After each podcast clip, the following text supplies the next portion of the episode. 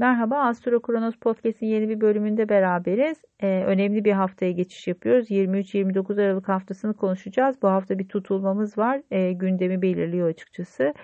Ee, çarşamba günü Güneş'in Uranüs'te bir uyumlu açısı olacak. Burası tutulma ile ilgili konuları da ön plana çıkartıyor. Çünkü Güneş'in olduğu alanda gerçekleşiyor. Açıkçası sizin açınızdan kariyerle ilgili olumlu gelişmeler bekleriz. Çünkü her anlamda e, hem 6. ev hem 10. ev etkileniyor.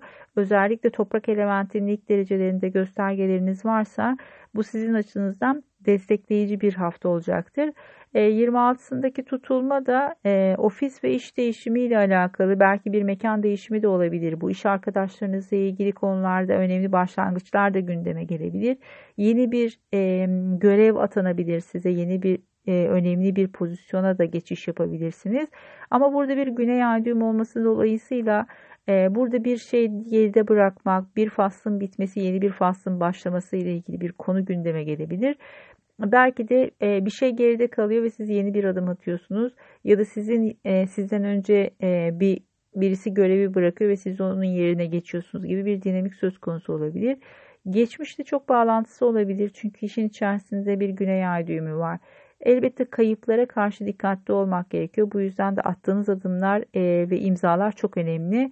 Pazar günü Merkür Oğlak Burcu'na geçiş yapacak. Burada bir imza atmanız, yeni bir karar vermeniz, yeni bir sözleşme söz konusu olabilir. İşte burada biraz dikkatli olmakta fayda var. Hemen arkasında pazartesi günü hilal fazı gerçekleşiyor ve sizin 7. evinizde gerçekleşiyor bu hilal fazı.